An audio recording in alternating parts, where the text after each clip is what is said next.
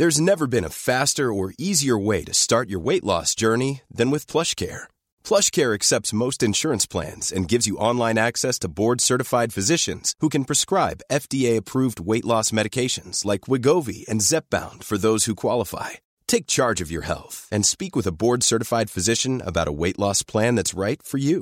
Get started today at plushcare.com slash weight loss. That's plushcare.com slash weight loss. plushcare.com slash weight loss.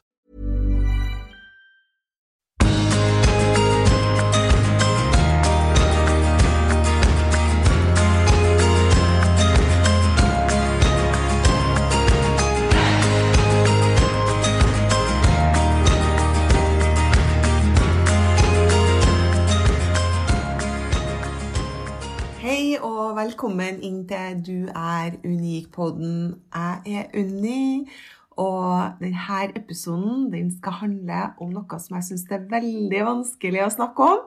Så det har tatt meg litt tid og tanker om jeg skulle gjøre denne episoden eller ikke. Men jeg må gjøre den. Viktig for meg sjøl, og så er det viktig for kanskje deg. Og denne episoden skal handle om penger. Og penger, er det frykt? Er det kjærlighet? Er det trygghet? Er det glede? Er det Ja, hva er det for noe, egentlig? Penger? Hvilket forhold har du til penger? Skaper penger frykt for deg? Har du vondt i magen når du tenker på penger, dealer med regninger, skal holde på med alt det her? Eller har du kjærlighet til penger? Eller kanskje du har litt begge deler. Og penger det kan jo også gi et bilde på hvem vi er som mennesker. F.eks. hvordan ser vi på mennesker som ikke har penger? Og hvordan ser vi på mennesker som har mye penger? Er det to forskjellige bilder? Har du tenkt over noen gang på hvilke bilder vi har på folk? Og hvordan vi oppfatter og dømmer ut ifra mengden penger? Vi kan kanskje oppleve å si at stakkars hun som ikke har penger til å forsørge seg og sine barn. Hun er et godt menneske som gjør så godt hun kan. Hun har vært uheldig, stakkars. Og jeg liker henne så godt. Hun er så trivelig. Og så kan vi si hun der som bor i det huset, kjører den bilen. Jeg lurer på hvor hun får pengene fra. Hun har sikkert arva eller hatt flaks. Eller så jobber hun med noe som lurer folk og tjener penger på det. Ja, nei, hun har sikkert hatt flaks, vet du. Nei, jeg, jeg liker hun der så godt. Er det sånn vi er? Eller Ja. Har vi sånn negativt syn på folk med penger? At de kanskje ikke er så bra, er litt skumle og litt truende? Og de uten penger, de syns vi synd på, eller kanskje dømmer vi dem også for å være lat og udugelig? Gå og finn deg en jobb. Lev på oss andre og skattebetalerne. Naver. Hvem er vi som kan gjøre oss til dommer over andre og dømme ut ifra det vi ser, og ikke hva vi ikke ser, og kanskje som er fakta. Jeg har sjøl vært en dømmer, men jeg har heldigvis klart å forstå, og så kom jeg ut av dette negative mønsteret. At alle er like mye verdt som mennesker, og det er alltid med strek under alltid en grunn for at bildet er sånn som vi ser.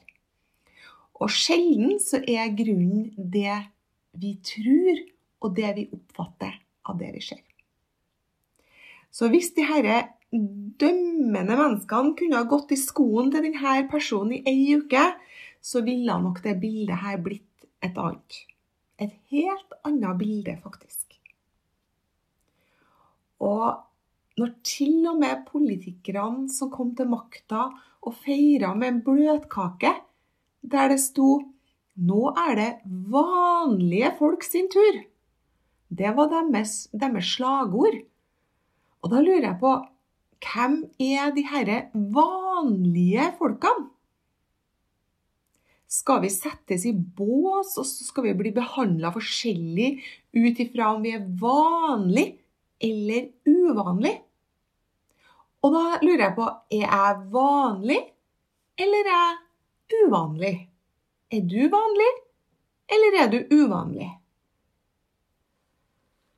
Og ut ifra det jeg oppfatter da, som tolkninger ute i samfunnet vanlig og uvanlig, så ser det ut som at jeg har gått ifra å være vanlig til uvanlig. For min historie er jo at jeg levde på fattigdomsgrensa i mange år av livet mitt, og jeg var et gjeldsoffer. Jeg eide ingenting. Jeg var ikke kredittverdig i noen banker. Jeg tok trikken, og jeg sykla. Jeg hadde en leid leilighet. Jeg var alenemor til to små. Jeg hadde arbeidsledighetstrygd, altså jeg var sånn naver deler av tida fordi at jeg var uten inntekt. Og vet du hva? Da likte alle sammen meg. Jeg var liksom trygg. Jeg var helt vanlig. Og når jeg fikk livet mitt på rett kjøl igjen, og etter hvert fikk oppfylt mange av mine drømmer om eget hus og bil, fin bil, fine klær og Da opplevde jeg at venninna mi fortalte hva de hørte folk sa om meg. Og det var ikke noe snille ord. Nei, de likte meg plutselig ikke. De lurte på hva tror hun der at det er for noe? Og så sa han jeg lurer på hvor hun har fått pengene ifra, og mye verre ting. Jeg er fortsatt den samme jenta, men med synlige, materielle ting som penger kan skaffe. Og da er det liksom noen som ikke liker meg lenger. Dømmerne. Jeg må innrømme at jeg har grått mange tårer i starten. Jeg ville jo, og jeg vil, at alle skal like meg. Jeg er jo bare snill. Men jeg har jo skjønt, og det var en som sa en gang, at 10% av vennene dine, de liker ikke det. Da tenkte jeg, det er jo så bra sagt. Det er jo ikke sånn at alle skal like meg eller deg. I dag så syns jeg jo bare synd på de her folkene som går og sprer ja, usannheter og dømmer på det de ser og tror.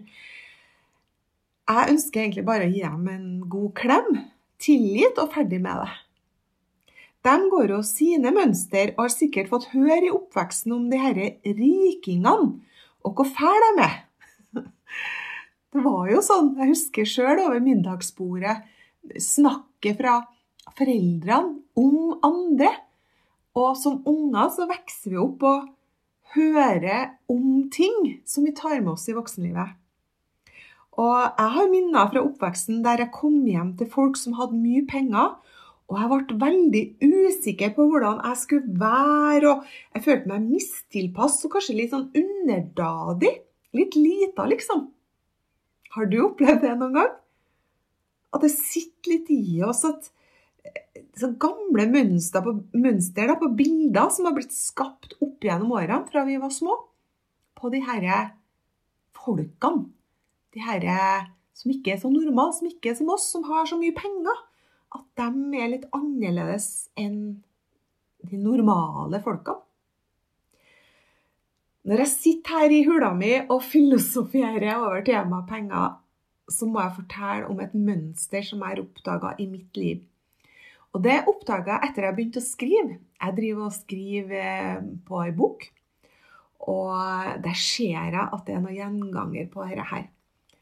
Og jeg har jo lurt på hvorfor jeg har hatt, og delvis har, så stor frykt rundt det her med penger. Så dette måtte jeg bare finne ut av. Og veldig sånn kort gjengitt, da, min historie med oppveksten min, da jeg var lita jente, før jeg ble sju år, så, så, var det frykt og krangling om penger, for mamma og pappa var, var fattige. De bodde på Svartlamoen i Trondheim, i en sånn liten sånn eh, lite hus. Eh, det var lite penger, og pappa måtte eh, spørre foreldrene sine om hjelp til penger veldig ofte. Og, så jeg har jo spurt mora mi og var det mye usikkerhet rundt penger? Å ja, det var det. Så, så da har jo den lille Unni oppfatta dette her, fått med seg den frykta da, fra mamma og pappa i oppveksten. Og etter hvert når jeg ble eldre, så fikk jeg mye gaver og penger fra foreldrene mine. Eh, som jeg da fikk som kjærlighetsspråk. da de var glad i meg og visste i form av gaver og penger. Sånn at eh, jeg tenkte at når, at når, jeg fikk penger, så var de glad i meg. Når jeg ikke hadde penger, så var han ikke glad i meg. Og så ble jeg voksen, flytta hjemmefra, og eh, da var det jappetid i Norge. Det vil Si ei tid der vi fikk slengt penger etter oss fra bankene. Renta var skyhøy, men bankene lånte ut penger til alle sammen. Det var bare å be om hvor mye du ville ha. Og eh, jeg hadde da et forhold der vi hadde mye penger. Vi hadde et svært, fantastisk eh, hus som vi bygde oss den gangen. Jeg var bare helt i starten på 20-årene og bygde det største huset som eh, var i Trondheim på den tida omtrent. Biler. Store, fine biler. Alt av materielle ting. Det var sånn ordentlig sånn jetset-liv da, som jeg starta voksenlivet med i denne jappetida på 80-tallet. Og jeg husker at jeg begynte å bekymre meg, men jeg fikk beskjed om at jeg ikke trengte å bry det lille hodet mitt med det. Men inni meg så var jeg veldig redd. Og etter hvert, når det hadde gått en del år, så klarte ikke jeg noe mer. Frykten var større enn kjærligheten. Og materielle ting det betyr jo ingenting når kjærligheten ikke bor der lenger. Så det husker jeg var mange som sa hvordan kan du forlate fine hus og bil og fine barn og alt det der? Liksom, du hadde jo alt. Og så flytter jeg i en sånn eh, altså, en liten sokkeleilighet. Jeg husker jeg tok med meg en, eh, en sånn uh, mikrobølgeovn som jeg hadde fått av faren min i bryllupsgave. Jeg hadde jo gifta meg veldig ung, og, og, og den, den, skulle jeg ha med meg. Den var så tung at jeg klarte nesten ikke å bære den ut i bilen. husker jeg. Tok jeg med den gamle, lille Hondaen min, og så hadde vi en salong, en sånn sofa som var veldig utslitt og stygg. Den tok jeg med meg. Og så følte jeg meg som ei dronning, for at jeg, jeg, hadde fått tilbake friheten min, og jeg skulle klare meg alene, og ja Ny start. Og ja Det gikk jo ikke lange tida, da. Så traff jeg en ny mann. Og da fikk vi Vi, vi flytta sammen, da. og Først i ei lita leilighet som vi leide på Møllenberg, husker jeg. Alle bodde på Møllenberg i den tida der. Eh, men når jeg skulle ha første barnet mitt, så flytta vi og fikk oss eget hus, da. Og, og da var vi helt sånn normale folk, jeg og han. Vi hadde et snilt hus, helt sånn vanlig hus som alle hadde. Vi hadde normal bil. Vi hadde små barn, vi hadde normale jobber, vi hadde stemplingsur på jobb, og alle likte oss. Alle syntes at vi var trivelige folk. Det var en veldig fin tid, trygg tid i livet mitt. Men jeg drømte om noe mer. Jeg er jo en drømmer, og jeg har alltid gått og hatt eh, drømmer om å bli min egen sjef og skape og dele og ja, og eh, ikke minst det her å bestemme over megatid. Jeg, jeg holdt på å bli kvart av det dette stemplingsuret som var på jobben. At jeg måtte stemple meg inn og ut, og når jeg skulle på lunsj. og Jeg følte meg så overvåka. Jeg hadde ikke frihet, så jeg tenkte at jeg kan ikke ha det sånn. Jeg må, ha, jeg må, ha, jeg må bli min egen sjef og bestemme over min egen tid, liksom. Så eh, etter hvert så ble det brudd, og eh, jeg ble alenemamma med jentene mine. Og eh, etter en stund så flytter jeg til fjells med barna mine. Og eh, jeg bodde der i over tre år. Og her starta det største marerittet når det gjelder penger i mitt liv, da. Jeg starta opp en forretning, denne drømmen om å starte noe for seg sjøl og bli sin egen sjef. da. Og da starta jeg på en sånn bandasjistforretning. Jeg hadde masse pågangsmot, og så hadde jeg veldig stor tro på at dette her, det var liksom det jeg skulle gjøre. Så endelig så hadde jeg realisert en drøm som jeg hadde gått med, da. Og denne drømmen at jeg skulle, nå skulle jeg bli min egen sjef, den kom nå til oppfyllelse. Men jeg oppdaga jo veldig fort at denne sjefen, da, meg sjøl, ga meg jo aldri fri. Jeg måtte være på jobb hele tida. Jeg kunne ikke gå ut til lunsj eller ta en dag fri. Og denne sjefen, meg sjøl, ga meg heller ikke lønn. Så nå hadde jeg jo mista all friheten min, og regningene hopa seg opp. Jeg var tvungen til å ta en ekstrajobb, og da fikk jeg en jobb på sykehjemmet, og så stilte jeg for de eldre. En veldig koselig jobb, og jeg har så stor respekt for alle dere som jobber i helsevesenet. For en jobb dere gjør! Hvis jeg kunne ha bestemt, så skulle jeg gitt dere dobbel lønn. Når det hadde gått eh, tre år, så raste hele min verden. En dag så låste jeg meg inn i butikken det var tidlig på morgenen, det var vinter. Så gikk alt svart. Jeg satte meg ved skrivebordet mitt på bakrommet, og så så jeg bunkene med regninger, og så ga jeg opp. Jeg bare ga opp der og da. Jeg klarte ikke noe mer. Det var som å trekke ut en kontakt. Det, det, jeg kjente Nå klarer ikke jeg.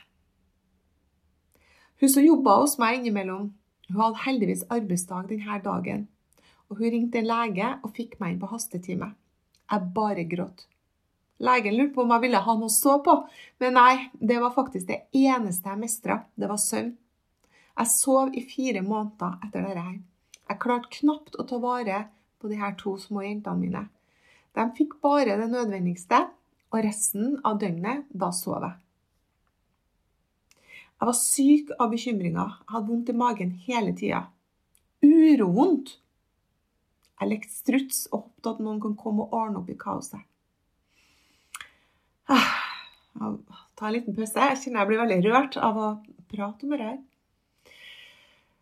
Det var utrolig tøff tid. Ehm, og jeg vet ikke hvor du er i livet ditt akkurat nå. Men hvis du har det noe tilsvarende, så skal jeg bare trøste deg med at det går bra. Jeg har til gode å se at det ikke ordner seg, så det kommer til å gå bra med deg òg lang historie kort, da. Jeg, jeg, fikk hjelp til å få tilbake helsa mi. Fikk et bra kosthold etter hvert, og fikk fylt opp tomme lager med god ernæring. Jeg skal fortelle dere mye mer om det her i en annen episode. Og det her med fysikken, da, når fysikken min kom på plass, så kommer det psykiske også. Det er et er-lik-tegn mellom fysisk og psykisk helse. Så igjen, da, damer. Jeg skilte meg. Jeg ga fra meg butikken, jeg sa opp jobben på sykehjemmet og dro tilbake til byen min, Trondheim. Jeg eide ingenting unntatt meg sjøl og de her to jentene mine. Og så hadde jeg med meg en forretningsmulighet hjem som jeg skal fortelle om seinere. Med meg i bagasjen var også en blå bærepose full av regninger og inkassokrav. Den blå Bæreposen har jeg ennå. Det var en blå Det var, det er en blå Øksendalspose. Øksendals bokhandel i Trondheim. Nedi der putta jeg alt av ubehagelige regninger og inkassokrav, utpantinger. Jeg husker jeg fikk besøk av en sånn kemner en gang som kom hjem når ungene satt på gulvet og leka seg. Så kom han opp på stua, for han skulle ta noe verdi for å dekke noen inkassokrav som har gått til utpanting. Og så kommer han opp på stua, så ser han meg, så ser han ungene. Og så sier han her er det ingenting å ta. Og så gikk jeg.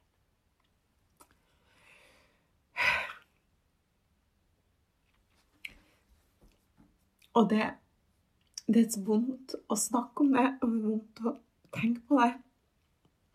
Men jeg starta der ifra bunnen og bygde meg opp. Og det som er bra da, med å være på bunnen, det er at da får vi spenntak til å komme oss opp igjen. Og det å være på bunnen trenger ikke å være noe dårlig. Det, det, det, det, er faktisk i ettertid noe veldig godt. Det kommer så mye bra ut av det. Og leiligheta da, som jeg skaffa til meg og jentene, den var superstilig. Det var et gammelt funkishus fra 50-tallet. Og jeg kjente på en frihet der. Jeg trivdes kjempegodt. Men mørke skygger lå over livet mitt. Jeg hadde ikke nok inntekt fra Nav til å dekke all gjelda. Jeg gjemte alle disse regningene og inkassokravene i denne blå posen fra Øksendals bokhandel. Og så putter jeg posen inni et skap ved spisestua der. Langt inni skapet. Kanskje trodde jeg det at da var de ute av verden, og så ville de bare forsvinne. Igjen så lekte jeg struts. Det har jeg faktisk vært veldig god til i livet mitt. En dag så kom jeg over noe som heter Gjeldsofferalliansen. Så skremmende tittel, tenkte jeg. Gjeldsoffer og allianse. Jeg var livredd og desperat når jeg ringte første gangen. Men der så møtte jeg en veldig hyggelig mann som sa du må slutte å betale. Og så sier jeg hæ? Slutt å betale? Ja, du må få en ordning på det her. En gjeldsordning med kreditorene dine. Hæ? Går det an? Jeg fikk hjelp. Jeg fikk en ordning med alle kreditorene. Takka være denne mannen og denne alliansen og foreldrene mine som lånte meg penger til å gi en sånn dividende da, til alle disse kreditorene. Så det er en vei ut da, hvis du lytter til det her nå og er i en sånn fortvilt situasjon. Altså, det her med kredittkortgjeld og alt det her som har kommet i de siste årene, det er helt grusomt hvor mange som havner oppi et sånt uføre pga. de her kreditorinstitusjonene som gir deg gjeld eh, og tar skyhøy rente som ikke du har sjanse til å betale etter hvert. Men det er en vei ut. Og bare ikke gi deg på det, og søk hjelp. Og jeg kjente at etter jeg fikk hjelp, så fikk jeg plutselig puste igjen. Jeg tror ikke jeg pusta på flere år, egentlig. Jeg fikk en ny start. Men alle disse årene de har merka meg for livet. Fra hun der lille jenta som opplevde krangling rundt penger når hun var bare lita jente, til hun som havna i det dypeste mørket pga. penger. Jeg var nå i midten av 30-årene og jeg hadde jo med meg denne forretningsmuligheten på flyttelasset som jeg tjente noen kroner på hver måned, og så hadde jeg Nav i ryggen. Og jeg prata ikke med så veldig mange om her pengeproblemene mine. Utad så så jo alt bra ut, og jeg gikk jo i fine klær og smila til verden og sånn, så en må aldri eh, dømme på det vi ser, for at eh, det kan være noe helt annet bilde bak det vi ser. Så utad så, så det veldig bra ut. Og det er jo mye skam i penger, tenker jeg. At eh, når vi ikke klarer å gjøre opp for oss når vi sliter økonomisk og sånn, så er det veldig vanskelig å prate med folk om det. Og det, det, ja, det er skambelagt, på en måte akkurat når, som at når vi ikke mestrer det økonomiske, så er det sånn failure, rød, rødt lys. Så jeg tror det er mange, sikkert noen av dere som hører på, som ikke tør å snakke med noen om det, som har ramla opp i et sånt stort hull eh, der du ikke helt vet hvordan du skal komme deg ut av det her pengemaset. Så, men uh, igjen, det er en vei ut. Og når jeg nå da var tilbake i Trondheim, da, så starta jo jeg med denne reisen min da, eh, mot eh, der jeg er i dag, med å bli en kvinnelig entreprenør og utvikle, utvikle denne forretningsmuligheten som jeg fikk. Og den skal jeg dele med dere i en annen episode. Nå skal vi fortsette å snakke om penger. Eh, alt så bra ut, men det lå en sånn svart skygge over mitt tilsynelatende perfekte liv. Jeg ble svikta av en person i en nær relasjon. Og jeg oppdaga at penger ble borte, og frykten min for penger ble bare sterkere og sterkere enn noen gang. Og jeg tjente jo veldig godt nå. Nå hadde jeg liksom begynt å få opp forretningen min, og sånn, men det var som et sluk der det bare rant ut i andre enden. Jeg holdt på å miste både hus og hjem. Og ehm, det var akkurat som det var noen som dro teppet eh, vekk under meg. At jeg mistet fotfestet. Tryggheten min og den økonomiske muren som jeg prøvde å bygge opp. Og alle delene lå igjen som en støvsky rundt meg. Så etter alle de disse opplevelsene mine og historien og det dette mønsteret i mitt liv, så skjønner jeg jo at forholdet mitt til penger ble veldig ødelagt. Jeg husker når jeg skulle inn i nettbanken og betale regninger. Jeg hadde sånn hjertebank og var helt klam inni hendene. Jeg kan tenke meg at det her er sånn som å ha et angstanfall, eller jeg vet ikke. Det var helt sånn ja, Det var helt helt jævlig, rett og slett. Og jeg satt der foran eh, PC-en og skulle liksom starte og tok meg springfart for å åh, Nå må jeg bare gjøre det. Jeg må tvinge meg til å gå inn og se. Jeg var så redd for at det skulle være bare tomt og ikke penger der. Og jeg var så vant til at ikke At det ikke var penger på konto. Så jeg, jeg Ja. Jeg, jeg, var helt sånn uh, skjelven der jeg satt. Men det som hjalp meg da når jeg starta med dette, det var at jeg la inn her, Du har jo sånn kommentarfelt da, når du sitter og betaler i nettbanken. Og der skrev jeg noe hyggelig og en takk. F.eks. jeg takka alle som sendte meg en regning uh, på f.eks. søppel og re re renovasjon og sånn. Så, så takker jeg for at de holder rent. Og ga også strømregninga. Takk for at jeg har strøm i huset. Og jeg takka for veiavgift veiavgifta når jeg betalte sånn at de gir oss fine veier.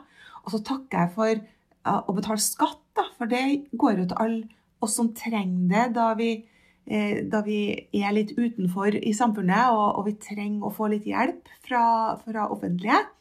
Så da at jeg betaler skatten min, det bidrar jo til at vi, vi deler på godene, da. Og takk liksom for at vi betaler inn til fellesskapet, sånn at eh, når jeg ikke hadde inntekt, så fikk jeg jo hjelp fra staten. Og, og det her må vi huske på at eh, alle som bidrar til at det er så fint rundt oss Når du er ute og kjører, og eh, så klager vi på dårlige veier og smale veier i Norge og sånn. Men hva med å se på alt som er fint? Alle fine veiene, alle blomstene de eh, planter i rundkjøringene langs veiene, eh, trærne de planter til oss. Det er noen som måker når det er vinter for oss. De strør når det er glatt. Det er noen som bygger noen fine hus rundt omkring. Altså, Begynn å takke og se alt som er bra, istedenfor å syte og klage på alt som ikke er bra rundt oss. Og det samme med Eh, jeg tenker mange ganger på data og telefon, så klikker vi i vinkel hvis de ikke virker. Men hvor mange ganger takker vi når det virker? For det virker jo de fleste tilfellene når vi slår på. Det var et lite sidespor. Jeg skal snakke mye om takknemlighet i en annen episode. Men eh, i hvert fall når du har litt angst da, for det her med regninger, sånn som jeg har, da, og syns dette er veldig ubehagelig, så begynn å takke. Det hjelper faktisk. Du får bort mye frykt med å takke. Jeg er fortsatt litt redd, da. Jeg er fortsatt litt redd for å gå inn på kontoen min. Jeg har fått noen sår som fortsatt er der, så jeg har sikkert eh, en del å jobbe med ennå. Og det var så ofte at det ikke var penger der, at jeg tror fortsatt at det ser sånn ut.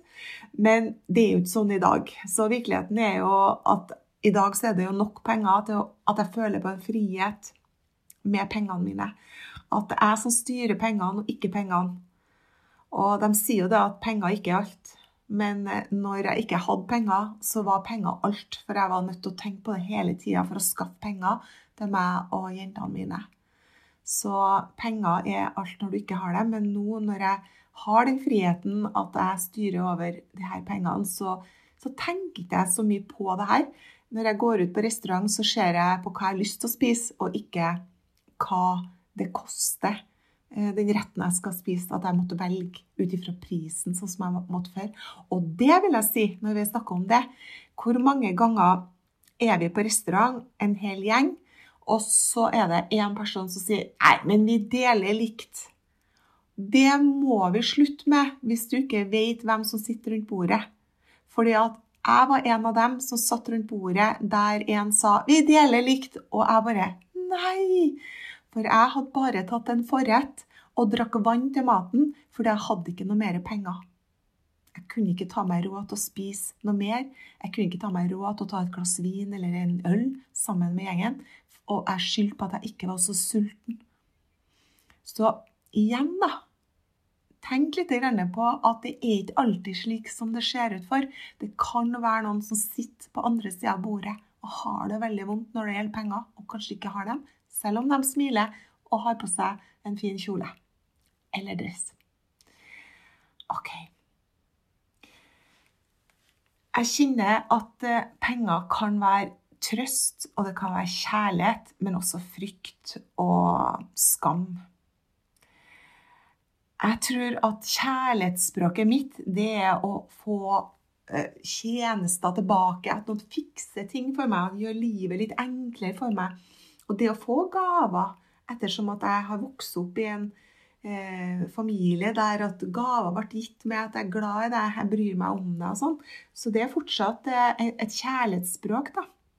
Men i dag så er jeg veldig bevisst på de her følelsene. Jeg skjønner hvor de kommer ifra. Og det starta jo på Svartlamoen, da pappa var livredd for å ikke klare å forsørge den lille familien, og alt som har prega meg siden da. Og jeg er så takknemlig for å oppleve opplevd alt det jeg har opplevd. Jeg bærer ingen nag. Jeg har tilgitt alle sammen, og jeg ønsker bare godt for mine læremestere opp gjennom årene. Og denne friheten når det kommer til penger i dag, så det her at jeg har skapt meg en karriere der pengene kommer, selv om jeg ikke i dag jobber så mye som jeg gjorde i starten. Og så Sammen med Maren jeg lever med i dag, så har vi skapt et liv med denne økonomiske friheten. Jeg slipper å tenke på penger, de bare er der. Og jeg unner alle å komme seg ut av dette mageondte, denne forferdelige usikkerheten som lite penger skaper. Og jeg opplevde jo at forhold gikk over styr pga. penger. Og sånn skal det ikke være. Det skal ikke være sånn at du er nødt til å forlate familie og forhold pga. økonomi, liksom. Det må kunne fikses. Men det starter med deg, da. Med deg sjøl. Og du må ikke leke struts sånn som jeg gjorde. Du må face det. Du må be om hjelp. Og så må du starte å tenke godt om penger. At penger kommer til deg. Ikke si til deg selv hele tida sånn Åh, jeg er så blakk.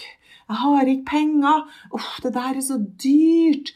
Jeg sliter med å betale regningene. Osv. osv.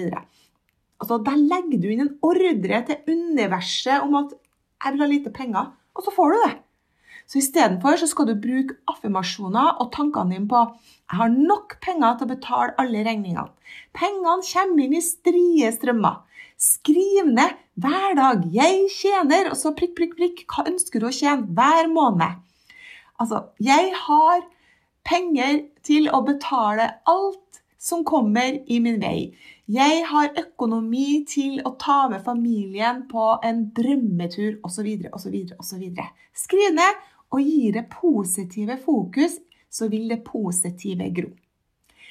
Lykke til! Dette ble en episode med mye følelser og som betyr mye for meg. Håper at dere har noe igjen for det, og gjerne legge igjen en kommentar, lik, del, for jeg tror dette er et tema som vi ikke snakker så mye om, som vi bør dele av og kanskje snakke litt mer om, og så hjelpe hverandre til å få orden.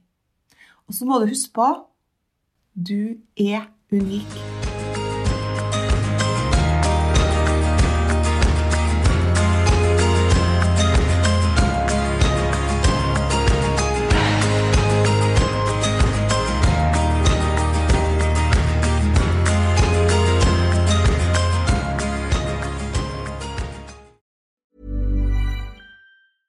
Planning for your next trip?